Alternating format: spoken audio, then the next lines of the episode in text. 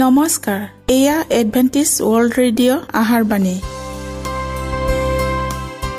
ঊনৈছ মিটাৰ বেণ্ডত পোন্ধৰ হাজাৰ পাঁচশ পঞ্চাছ কিলো হাজত এডভেণ্টিছ ৱৰ্ল্ড ৰেডিঅ' যোগে অসমীয়া ভাষাত প্ৰচাৰিত আহাৰবাণী প্ৰত্যেক বুধবাৰ আৰু দেওবাৰ সন্ধিয়া সাত বজাত আহাৰবাণী শুনাৰ পিছত আপোনালোকৰ কিবা মন্তব্য আৰু প্ৰশ্ন থাকিলে আমালৈ এই ঠিকনাত লিখক। আমাৰ ঠিকনাটি হৈছে Adventist World Radio' Seven Day Adventist মণ্ডলী অসম শাখা লতাকাটা বশিষ্ঠ গুৱাহাটী সাত আঠ এক শূন্য দুই ন।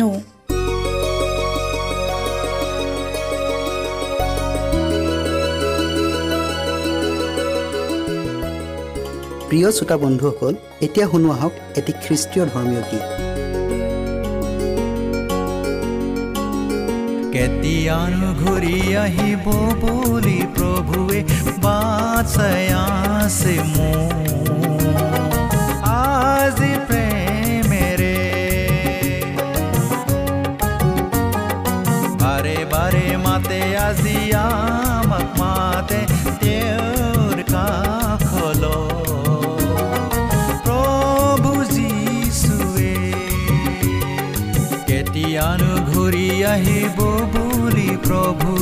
প্ৰভুৱে বাচাই আছে মোক আজি প্ৰেমেৰে বাৰে বাৰে মাতে আজি আমাক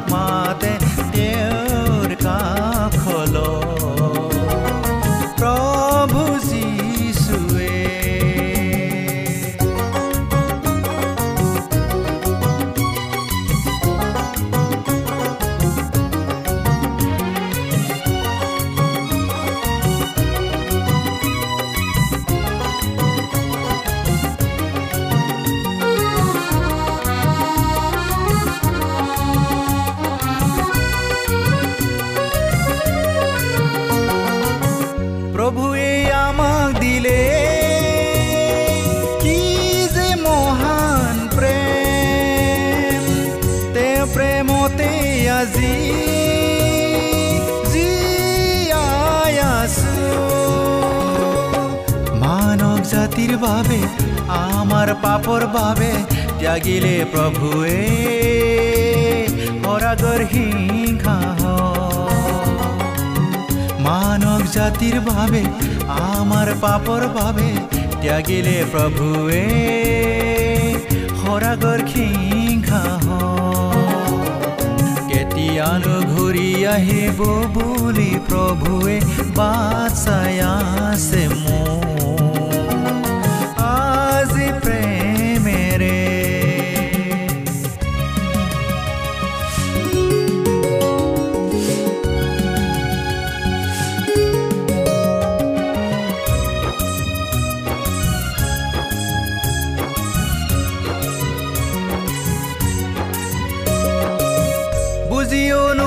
নুবুজো মই তোমাৰ প্ৰেমৰ বাণী।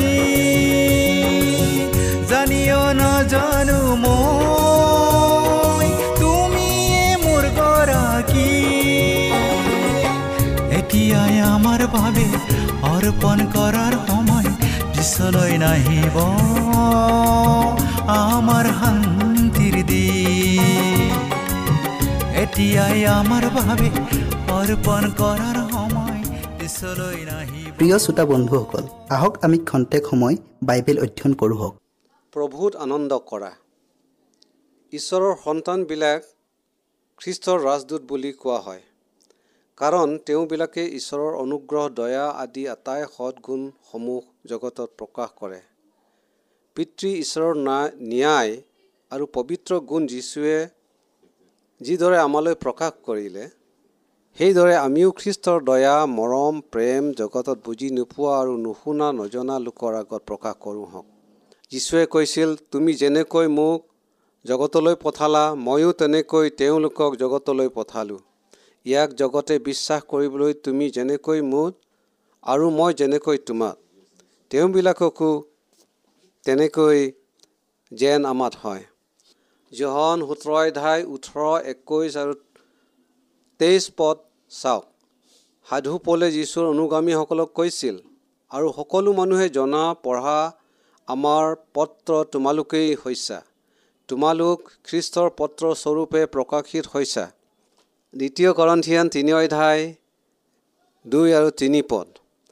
খ্ৰীষ্ট বিশ্বাসী প্ৰত্যেকজন সন্তানেই জগতলৈ পঠোৱা একো একোজন জীৱন্ত পত্ৰস্বৰূপ নিজৰ পৰিয়াল ওচৰ চুবুৰীয়াৰ মাজত থকা ঈশ্বৰৰ মাত নুশুনা এনে লোকবিলাকৰ আগত আপুনি যীশুৰ প্ৰকৃত ৰাজদূত স্বৰূপ হৈ অন্ধকাৰত ভ্ৰমি ফুৰা লোকবিলাকক আপোনাৰ সাক্ষৰ যোগেদি তেওঁক পোহৰলৈ আনক। ঈশ্বৰৰ সন্তানবিলাকক স্বৰ্গীয় পথৰ জ্যোতি প্ৰকাশক বুলি কোৱা হয়।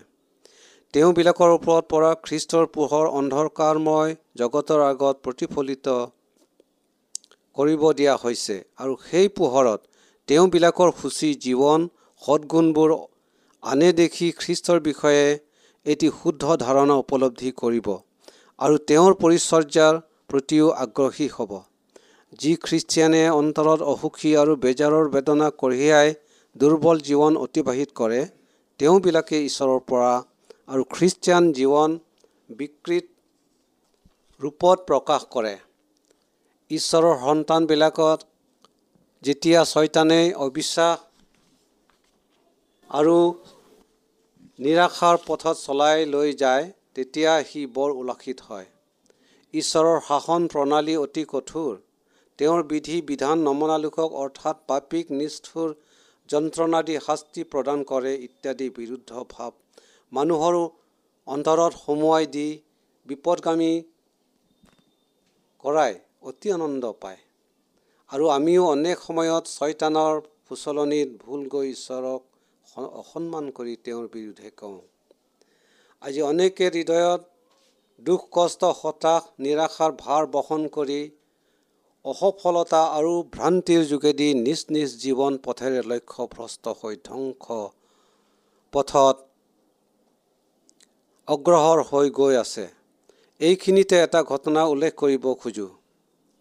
মই ইউৰোপত থকা সময়ত এগৰাকী ভগ্নীয়ে তেওঁৰ মনৰ দুখ বেদনা মোলৈ পত্ৰযোগে লিখি জনাই শান্তি পাবৰ অৰ্থে মোক তেওঁৰ কাৰণে প্ৰাৰ্থনা কৰিবলৈ অনুৰোধ কৰিছিল। তেওঁৰ পত্ৰখন পঢ়াৰ দ্বিতীয় নিশা মই সপোনত দেখিলোঁ যে মই এখন ফুলৰ বাগিচাৰ মাজত আছোঁ। বাগিচাখনৰ গৰাকীজনীয়ে তাতে মোক তেওঁৰ লগত ফুৰাই আছে। মই বাগিচাৰ ফুল ছিঙি তাৰ সুগন্ধি উপভোগ কৰাত মগ্ন হৈ আছোঁ।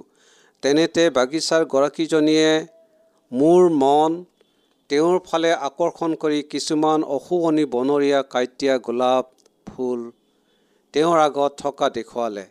সেই কাঁইটীয়া ফুলবোৰৰ মাজত প্ৰাৰ্থনাৰ সহায় বিচাৰি চিঠি লিখা ভগ্নীগৰাকী ক্ৰদন আৰু বিলাপ কৰি থকা দেখা পালোঁ।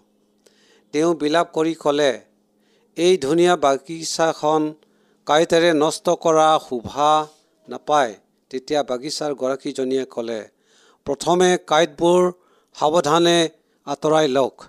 সেইবিলাকে আপোনাক কেৱল বিন্ধি ব্যাঘাত কৰিব পাৰে তাৰপিছত সুগন্ধি গোলাপ ফুলবোৰ ছিঙক। আপোনাৰ জীৱনতো নিশ্চয় এনে পৰিস্থিতিৰে দেখা দিব পাৰে। যদিহে উজ্জ্বল ৰেঙনি আপোনাৰ দৃষ্টিগোচৰ হোৱা নাই আপোনাৰো এনে কিছুমান মূল্যৱান সময় আছিল যি সময়ছোৱাত ঈশ্বৰৰ আত্মাৰ সঁহাৰি পাই আপোনাৰ অন্তৰাত্মা আনন্দত উঠলি উঠিছিল নহয়নে? যেতিয়া আপোনাৰ জীৱনৰ অতীত অধ্যায়বোৰত উভতি দৃষ্টি কৰে তেতিয়া তাৰ কোনোবা পৃষ্ঠাত কিছুমান সুখ আনন্দৰ বিষয় উল্লেখ থকা নাপায়নে? ঈশ্বৰৰ প্ৰতিজ্ঞাবোৰ আপোনাৰ কাষৰ উভয় ফালে ফুলি উঠা সুগন্ধি ফুলৰ দৰে নহয়নে? এই ফুলৰ সৌন্দৰ্য আৰু সুবাসে আপোনাৰ অন্তৰ আনন্দেৰে পৰিপূৰ্ণ কৰিবনে? বনৰীয়া কাঁইটীয়া গোলাপে আপোনাক কেৱল আঘাত কৰি কষ্ট দিব পাৰে আৰু এইবোৰ গোটাই আনক উপহাৰ দিয়া মানে ঈশ্বৰৰ সাধুতা আৰু মংগলতাক আপুনি অৱজ্ঞা কৰাৰ উপৰিও আপোনাৰ অবিবেচক কাৰ্যই আপোনাৰ চাৰিওফালে থকা লোকবিলাকক প্ৰভুৰ পথত চলাব পৰা আঁতৰাই ৰখা নাইনে? আমাৰ অতীতৰ অসুচী জীৱনত কৰা আটাই কু কৰ্মবোৰ খেদিত আৰু অনুতাপিত চিত্তেৰে ত্যাগ কৰি নতুন জীৱনত প্ৰৱেশ কৰোঁ হওক। কাৰণ আমাৰ অসুচী জীৱনে আমাক ঈশ্বৰৰ পথৰ অনুসন্ধান দিব নোৱাৰে। ফলস্বৰূপে অন্ধকাৰতে ভ্ৰমি থাকি আনৰ প্ৰতিও প্ৰতিবন্ধক স্বৰূপ হৈ পৰোঁ। যেতিয়া আমি ঈশ্বৰৰ প্ৰেমৰ প্ৰতি সন্দেহ আৰু তেওঁৰ মুখৰ বাক্যৰ প্ৰতি অবিশ্বাস প্ৰদৰ্শন কৰোঁ তেতিয়া আমি তেওঁক আৰু তেওঁৰ পবিত্ৰ আত্মাকো অপমান কৰোঁ। যিগৰাকী স্নেহময় মাতৃয়ে শিশু অৱস্থাৰে পৰাই নিজৰ বুকুৰ উমেৰে সন্তানৰ কোনো ক্ষতি নোহোৱাকৈ মৰম চেনেহৰে প্ৰতিপাল কৰি ডাঙৰ দীঘল কৰিলে। এতিয়া ডাঙৰ হৈ সেই সন্তানে যদি তাৰ সেই স্নেহময়ী মাতৃৰ প্ৰতি নিৰ্দয় ব্যৱহাৰ কৰে তেতিয়া সেই মাতৃগৰাকীয়ে তেওঁৰ অন্তৰত কেনেকুৱা অনুভৱ কৰিব বুলি আপুনি ভাবে? কোনোবা পিতৃ মাতৃয়ে নিজক সন্তানৰ পৰা এনে দুৰ্ব্যৱহাৰ আশা কৰিব পাৰেনে?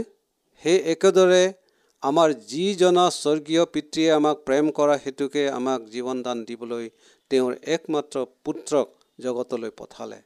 সেইজনা মৰমীয়াল স্বৰ্গীয় পিতৃ প্ৰতি যদি অবিশ্বাস প্ৰদৰ্শন কৰোঁ তেতিয়া তেওঁ আমাৰ প্ৰতি কি মনোভাৱ ল'ব? পাচনি পৌলে লিখিছে যিজনাই নিজৰ পুত্ৰকো মৰম নকৰি আমাৰ আটাইৰে কাৰণে তেওঁক সোধাই দিলে সেইজনাই আমাক অনুগ্ৰহ কৰি তেওঁৱে সৈতে সকলো নিদিবনে? ৰমিয়া আঠ অধ্যায় বত্ৰিছ পদ। তথাপিও অনেক অকৃতজ্ঞ লোকে কথা আৰু কৰ্মৰে ঈশ্বৰৰ দয়া মমতা দেশ দেশকৈ আগ্ৰহ্য কৰে। এনেবোৰ কথা আৰু কৰ্মই আপোনাৰ অন্তৰৰ দুৰ্বলতা প্ৰকাশ কৰি অনিষ্ট সাধনহে কৰে। আপোনাৰ প্ৰত্যেকটো সন্দেহৰ কথাই ছয়তানৰ কু অভিসন্ধিক আমন্ত্ৰণ জনাই সন্দেহী মনোভাৱক আৰু প্ৰবল কৰি ঈশ্বৰৰ বিৰুদ্ধ কৰি তোলে। তাৰ কূপ প্ৰৰোচনাৰ প্ৰতি আকৰ্ষিত হ'লেই আপোনাৰ হৃদয় ঈশ্বৰৰ প্ৰতি অবিশ্বাস আৰু বিদ্ৰোহৰ ভাৱেৰে পৰিপূৰ্ণ কৰিব। আপুনি হয়তো হৃদয়ত খেদ আৰু অনুতাপ কৰি ছয়তানৰ কবলৰ পৰা নিজকে ৰক্ষা কৰিব পাৰিব। কিন্তু আপোনাৰ অতীত জীৱনৰ কুপ্ৰভাৱৰ দ্বাৰাই আক্ৰান্ত হৈ অনেকে অপথে গুচি গ'ল। তেওঁবিলাকে কেনেকৈ মন পল্টন কৰি ৰখা পাব অলপ ভাবি চাইছেনে? সেয়ে আমি আনলৈ উজুতি খোৱা মূঢ়া স্বৰূপ নহৈ সকলো সময়তেই আত্মিক বিষয়ত সতৰ্ক হৈ থাকোঁ হওক হতাশ নিৰাশাৰ কথাৰ দ্বাৰাই আপোনাৰ প্ৰতিৱেশীক বিচলিত নকৰিব বৰং আটাই চিন্তাৰ ভাৱ প্ৰাৰ্থনাৰ যোগেদি ঈশ্বৰক জনাই দিয়ক। আপোনাৰ কথা বতৰা চলন ফুৰণ আচাৰ ব্যৱহাৰ দ্বাৰাই অনেকৰ জীৱনত শান্তিৰ আৰু আনন্দৰ জোৱাৰ আনিব পাৰে কাৰণ কোনেও নিজৰে নিমিত্তে নিজিয়ে ৰুমিয়া চৈধ্য অধ্যায় সাত পদত চাওক। যীশুৰ জীৱন চৰিত্ৰৰ বিষয়ে অনেকৰ এক ভ্ৰমণাত্মক ভাৱ পোষণ কৰা দেখা যায়। সেইবিলাকে ভাবে যে যীশুক কোনো দয়া মমতা নথকা অদীপনাহীন আৰু আনন্দহীন লোক আছিল। সেয়ে এনে ভ্ৰান্তমূলক মনোভাৱ প্ৰায়ে সমস্ত ধৰ্মীয় অনুভূতিক এক নৰস্যজনক ভূমিকাৰে ৰহণ শুনা হয়। প্ৰায়ে কোৱা হয় যে যীশুৱে ক্ৰদন কৰিছিল কিন্তু কেতিয়াবা হাঁহিছিল বুলি জনা নাযায়। অৱশ্যে আমাৰ ত্ৰাণকৰ্তা সুখ সন্তাপৰ মানৱ আছিল। এতিয়াও নানান দুখ কষ্ট আৰু যন্ত্ৰণাত জৰ্জৰিত হোৱা লোকবিলাকে যদি তেওঁৰ ফালে দৃষ্টি কৰে তেওঁ সেই আটাইবিলাকৰ দুখত সমভাগী হয়। কাৰণ তেওঁৰ অভ্যন্তৰীণ শক্তি কেতিয়াও পৰাভূত নহয়। তেওঁৰ মুখমণ্ডলত কেতিয়াও দুখ বেজাৰৰ চিন দেখা নগৈছিল বৰং এক শান্ত নিৰ্মল সৌম্য মূৰ্তিহে প্ৰতিফলিত হৈছিল। আমাৰ ত্ৰাণকৰ্তা জনা প্ৰয়োজন বিশেষ অতিকৈ ভাৱ গম্ভীৰ আৰু একনিষ্ঠভাৱে স্থিৰ সংকল্প মনৰ আছিল। কিন্তু কেতিয়াও বিষণ্ন আৰু হতাশ নিৰাশাত পৰাজিত হোৱা নাছিল। যিসকলে তেওঁৰ অনুকৰণ কৰিব তেওঁবিলাক আটাইয়ে নিজ নিজ জীৱনৰ প্ৰকৃত লক্ষ্যত উপনীত হোৱাৰ উপৰিও ব্যক্তিগত দায়িত্ববোধৰ এক গভীৰ উপলব্ধি জ্ঞান হ'ব। বৃথা অভিমান অসাৰ আনন্দ নাইকিয়া হ'ব। কিন্তু যীশুৰ শিক্ষাই প্ৰত্যেকৰ জীৱনত শান্তিৰ নৈ বোৱাই আনিব। আনন্দৰ জ্যোতিৰ শ্লান নহ'ব। কেৱল আনন্দৰ আনন্দইহে বিৰাজ কৰিব। খ্ৰীষ্ট সেৱা শুশ্ৰূষা পাবলৈ নহয় কিন্তু আনৰ সেৱা শুশ্ৰূষা কৰিবলৈহে আছিল। আৰু যেতিয়াই এনে মনোভাৱেৰে আমি প্ৰভাৱিত হ'ম তেতিয়াই তেওঁৰ আদৰ্শত চলিবলৈ অনুপ্ৰাণিত হয়। যদি আমি আমাৰ মনত অহংভাৱ নিৰ্দয় ও অন্যায় ভাৱবোৰেৰে পৰিপূৰ্ণ কৰি ৰাখোঁ তেন্তে খ্ৰীষ্টই আমাক যিদৰে প্ৰেম কৰিলে আমি সেইদৰে আনক প্ৰেম কৰাটো অসম্ভৱ। কিন্তু আমাৰ ভাৱ চিন্তাধাৰা খ্ৰীষ্টৰ আচৰিত প্ৰেমৰ ওপৰত প্ৰতিষ্ঠিত হ'লে সেই একে উদ্যমেৰে আমি আনৰ পৰিচৰ্যা কৰিব পাৰিম। আমাৰ দুৰ্বলতা দুখ গুণ অসমৰ্থতা বিচাৰ কৰি নহয় বৰং মানৱীয়তাৰ সহিত নম্ৰতাৰে নিস্বাৰ্থভাৱে আনৰ পৰিচৰ্যা কৰোঁ হওক। আৰু সদগুণে আমাৰ হৃদয়ৰ সংকীৰ্ণতা স্বাৰ্থপৰতা গুচাই আমাক মহান আৰু উদাৰ হৃদয় লোক হিচাপে গঢ়ি তুলিব। ডায়ুদে কৈছে জিহুৱাত ভৰসা ৰখা আৰু সুকৰ্ম কৰা দেশত বাস কৰা আৰু বিশ্বস্বতাৰ ৰূপ পথাৰত চৰা। গীতমালা সাতত্ৰিছ অধ্যায় তিনি পদ। প্ৰায়ে কৰোঁ অবিশ্বাসো কৰোঁ। আমি তেওঁৰ প্ৰতি কৰা এনে ক্ৰূৰ আচৰণ উচিত হৈছেনে? এনে অমূলক চিন্তা ভাৱধাৰাবোৰক আমাৰ দৈনিক জীৱনত প্ৰৱেশ কৰিব নিদিয়াই শ্ৰেয়। কাৰণ এইবোৰ আমাৰ আত্মিক জীৱন দুৰ্বল কৰি ধ্বংসৰ পথলৈ ঠেলি দিয়ে। প্ৰতিদিনেই আমি বাস কৰা ধাৰাখনত ঈশ্বৰৰ প্ৰেমৰ চিন স্বৰূপে তেওঁৰ নানা অনুগ্ৰহ আশীৰ্বাদ আনকি আমাৰ দৈনন্দিন জীৱনৰ প্ৰয়োজনীয় বস্তুবোৰ উপভোগ কৰি থাকিলেও আমাৰ কিছুমান অহেতুক ভয় সংশয়ত দিন অতিবাহিত কৰে। এনেদৰে ঈশ্বৰৰ মহান আশীৰ্বাদক সিবিলাকে অৱজ্ঞা কৰাৰ উপৰিও সিবিলাকৰ মন অবিৰত বিৰক্তিকৰ পৰিস্থিতিৰ মাজেৰে পৰিচালিত হয় আৰু ঈশ্বৰৰ আটাই অনুগ্ৰহ আৰু আশীৰ্বাদ পৰা নিজকে বঞ্চিত কৰে। সেইবিলাকে সন্মুখীন হোৱা দুখ কষ্টই বা মনত উদয় হোৱা অশান্তি আৰু অসন্তোষে সেইবিলাকক ঈশ্বৰৰ কাষলৈ চপাই লৈ যোৱাৰ পৰিৱৰ্তে ঈশ্বৰৰ পৰা পৃথকহে কৰায়। আমি এনেদৰে অবিশ্বাসী হোৱাটো উচিত হৈছেনে? কিয় আমি অকৃত্যতা এখোজ এখোজকৈ যীশুৰ ওচৰলৈ আৰু চিৰশান্তিৰ স্বৰ্গীয় ঘৰলৈ চপাই নিব। এতেকে এইখন ধৰাতেই আমাৰ বিশ্বাস নেহেৰুৱাই আগতকৈ অধিক দৃঢ় মনৰ লোক হওঁ হওক কাৰণ এতিয়ালৈকে যীশুৱাই আমাক সহায় কৰিলে। প্ৰথম চামুৱেল সাত অধ্যায় বাইছ পদ। আৰু শেষলৈকে কৰি থাকিব। আমি সেই স্মৃতিস্তম্ভজনালৈ লক্ষ্য কৰি সোঁৱৰণ কৰোঁ হওক যে তেওঁ আমাক কিমান দয়া আৰু আৰু অনুগ্ৰহ কৰিলে ছয়তানৰ বন্ধনৰ পৰা মুকলি কৰি আমাক সান্তনা দিলে আমাৰ চকুলো মুচি দিলে আমাৰ দুখ কষ্ট ভয় সংশয়বোৰ আঁতৰাই আমাৰ অৱশিষ্ট যাত্ৰাত অগ্ৰসৰ হৈ যাবলৈ আশীৰ্বাদ কৰি বল শক্তি যোগালে।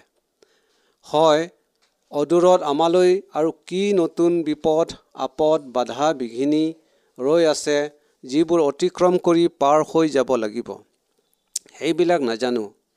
কিন্তু অতীতলৈ উভতি দৃষ্টিপাত কৰিলেই আগলৈ আৰু কি কি ঘটিব তাৰ উমান পোৱা যায়। কাৰণ এতিয়ালৈকে যীশুৱাই আমাক সহায় কৰিলে। আৰু তোমাৰ আয়ুস যেনে তোমাৰ শক্তি তেনে হ'ব। দ্বিতীয় বিৱৰণ তেত্ৰিছ অধ্যায় পঁচিছ পদ। আমালোকে সহ্য কৰিব পৰা শক্তি অনুসাৰেহে আমালৈ ফাণ্ড পৰীক্ষা আহিব। সেয়ে দুখ যন্ত্ৰণা বা পৰীক্ষাৰ সহানুপাতক শক্তিৰ ভাৰসাম্য দ্বিতীয় বিৱৰণ তেত্ৰিছ অধ্যায় পঁচিছ পদ। আমালোকে সহ্য কৰিব পৰা শক্তি অনুসাৰেহে আমালৈ ফাণ্ড পৰীক্ষা আহিব।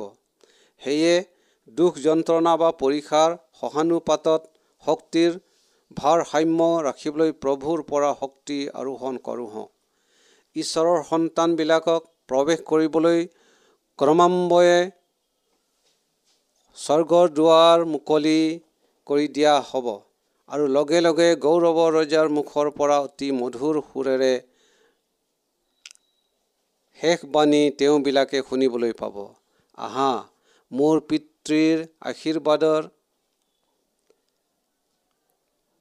পাত্ৰবিলাক জগত স্থাপন কৰাৰে পৰা তোমালোকৰ নিমিত্তে যুগুত কৰি থোৱা ৰাইজৰ অধিকাৰী হোৱা। মুঠি পঁচিছ অধ্যায় চৌত্ৰিছ পদ। ইয়াৰ পাছতেই নতুন স্বৰ্গীয় গৃহত তেওঁবিলাকৰ অৰ্থে আদৰণি পৰ্ব আৰম্ভ হ'ব।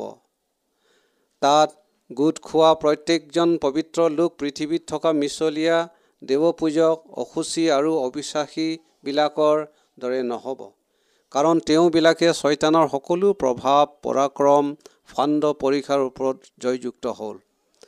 মেৰ পোৱালিৰ তেজেৰে ধুই সুচি হৈ ঐশ্বৰিক মূৰ্তিত ৰূপান্তৰিত হ'ল। এতিয়া তেওঁৰ শ্ৰেষ্ঠতা প্ৰতাপৰ উজ্জ্বলতা যি সূৰ্যৰ পোহৰতকৈও অধিক প্ৰখৰ তেওঁবিলাকক প্ৰদান কৰিলে। নিষ্কলংকিত আৰু পবিত্ৰ হৈ তেওঁবিলাকে ঈশ্বৰৰ সিংহাসনৰ আগত স্বৰ্গদূতসমূহৰ সৈতে মৰ্যাদা সম্পূৰ্ণ খ্যাতিৰে থিয় হ'ব। অৱশেষত তেওঁবিলাকেই মহাপ্ৰতাপৰ অধিকাৰী হৈ ঈশ্বৰৰ নিজা লোক হ'ল। এতেকে মানুহে নিজৰ প্ৰাণৰ সলনি বা কি দিব? মুঠি ষোল্লধাই ছাব্বিছ পদ। সেই ব্যক্তিসকল জাগতিক ধন ঐশ্বৰ্যৰ ফালৰ পৰা নিশ্চয় আছিল নিশ্চয়। কিন্তু এতিয়া ঐশ্বৰিক ধন ঐশ্বৰ্যৰ ফালৰ পৰা যেনে স্বস্থ হ'ল তাক জাগতিক মূল্যৰ সৈতে কোনো ৰূপে তুলনা কৰিব নোৱাৰে। ঈশ্বৰৰ অতি উত্তম পৰিচৰ্যাৰ অৰ্থে যিসকল ব্যক্তিক পাপৰ পৰা উদ্ধাৰ কৰি সূচী কৰা হ'ল ই এটা অতি মহৎ অতিক্ৰমণকাৰী বিষয়। এনেতে ঈশ্বৰৰ সাক্ষাতে মেৰ পোৱালিৰ তেজেৰে ধুই পৰিত্ৰাণ পোৱা লোকবিলাকৰ নিমিত্তে দূতবিলাকে মহা উল্লাস আৰু জয় ধ্বনিৰে গীত গান কৰি আনন্দ প্ৰকাশ কৰিলে।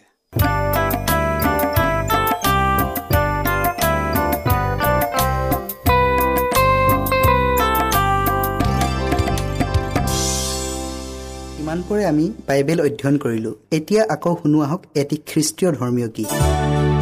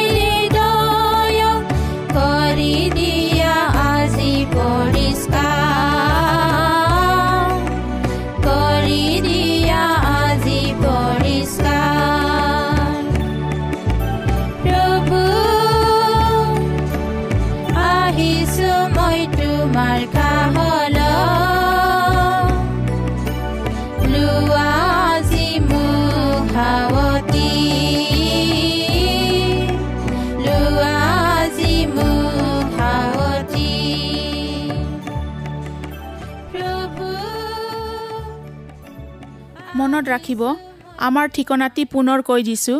Adventist World Radio' Assam Region of Seven Day Adventist Voice of Hope Latakata Basistha Guwahati seven eight one zero' two nine প্ৰিয় শ্ৰোতা বন্ধুসকল এডভেণ্টিজ ৱৰ্ল্ড ৰেডিঅ' যোগে আহাৰবাণী প্ৰচাৰত আপোনালোকক পুনৰ লগ পোৱাৰ আহাৰে আজিলৈ সামৰিলোঁ। ধন্যবাদ।